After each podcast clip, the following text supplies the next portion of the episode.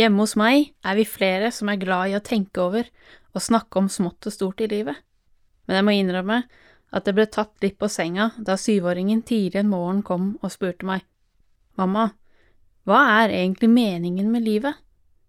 Jeg prøvde å få hodet i gang, og tenkte på hvordan jeg kunne svare ham på en god måte, da han lo og utbrøt at hoftene har noe å henge i. Du har sikkert tenkt på det du også, hva som er meningen med livet. Jeg skal ikke forsøke å gi noe svar på det i denne andagsserien, men jeg har lyst til å fortelle deg om en venn av meg som flere ganger har hjulpet meg gjennom det som har møtt meg i livet som meningsløst og urettferdig. Vi har snakket mye om vanskelige tema, og det det som regel koker ned til, er to ting.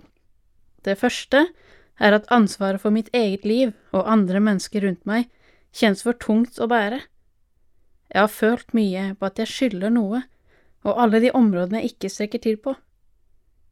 Det andre er livets urettferdighet, som vi aldri kan forberede oss tilstrekkelig på. Det fins ingen regel for hvem som rammes av det ene eller andre, selv om det for meg har kjentes ut i noen perioder som det var noen som var spesielt ute etter å ramme meg. Jesus, som er denne vennen min som jeg snakker om, minner meg stadig på at han har gjort noe med begge disse to store tingene. Da han døde på korset, gjorde han ikke det fordi han var svak og forsvarsløs, utsatt for urettferdige og feige domsavsigelser. Det gjorde han fordi han visste at jeg ikke kom til å være i stand til å ta ansvaret for mitt eget liv og for hvordan jeg forholder meg til menneskene rundt meg. Det var med min utilstrekkelighet han møtte Gud, tok det fulle og hele ansvaret og sonet dommen. Lenge før jeg i det hele tatt ble til. Og det han gjorde for meg, gjorde han også for deg og alle andre mennesker i hele verden til alle tider. Derfor kan Jesus tilgi hvert eneste menneske, ettersom han har tatt ansvaret for det som gikk og det som vil gå galt. Han gjorde det av kjærlighet til oss, ikke av plikt eller forventning. I vår så jeg og mannen min på Kompani Lauritzen, som ble sendt på TV 2. Programmet går ut på at tidligere proffsyklist og fallskjermjeger Dag Otto Lauritzen inviterer 14 kjente personer til å delta i hans spesialutdanning, der de gjennom streng militær disiplin og beinharde øvelser og konkurranser skal bli til den beste versjonen av seg sjøl.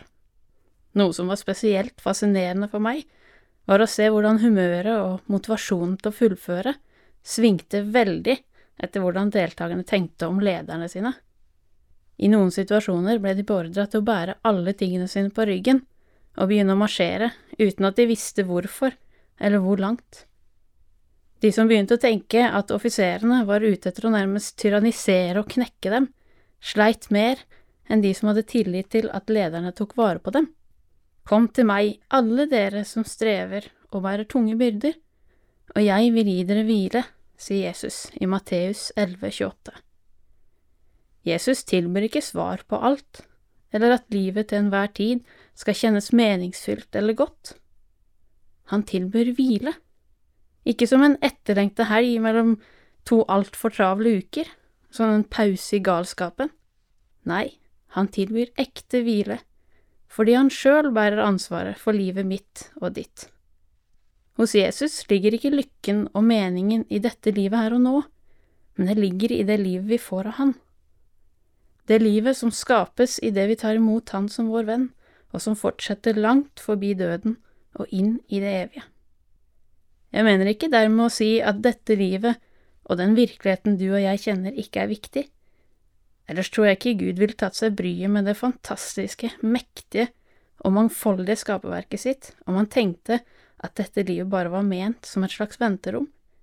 Gud elsker livet, og himmelen blir ofte beskrevet som et festemåltid, jeg tror han har skapt oss til å nyte gavene hans, men en god far vil vel mer enn at barnet skal ha det han eller hun trenger for å leve et godt liv. En god far vil at barnet skal være trygg på at det er elsket og verdifullt i pappas øyne. Og Gud kunne ikke demonstrert sin kjærlighet for oss på en tydeligere måte enn å gi sin sønn den enbårne, for at hver den som tror på ham, ikke skal gå fortapt, men ha evig liv sånn som det står i det vi kaller Den lille bibelen, i Johannes 3, 16. At jeg kan være trygg på at jeg er elsket så høyt, ikke av hvem som helst, men av Han som har all makt i himmel og på jord. Det bærer meg gjennom også det som er for vanskelig å bære sjøl. Hos Jesus finner jeg ekte hvile.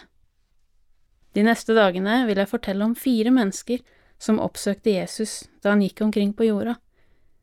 Fire mennesker som ved et møte med Jesus fikk forandret livene sine. Det er den samme Jesus du kan bli kjent med i dag, gjennom å høre om ham eller lese om ham i Bibelen. Kom til meg, sier Jesus, alle dere som strever og bærer tunge byrder, og jeg vil gi dere hvile. Herren velsigne deg og bevare deg. Herren la sitt ansikt lyse over deg og vær deg nådig. Herren løfte sitt åsyn på deg og gi deg fred. Du hørte Sonja Leirvik i Over en åpen bibel i dag. Dette programmet er produsert av Norea Mediemisjon. Besøk gjerne våre nettsider norea.no.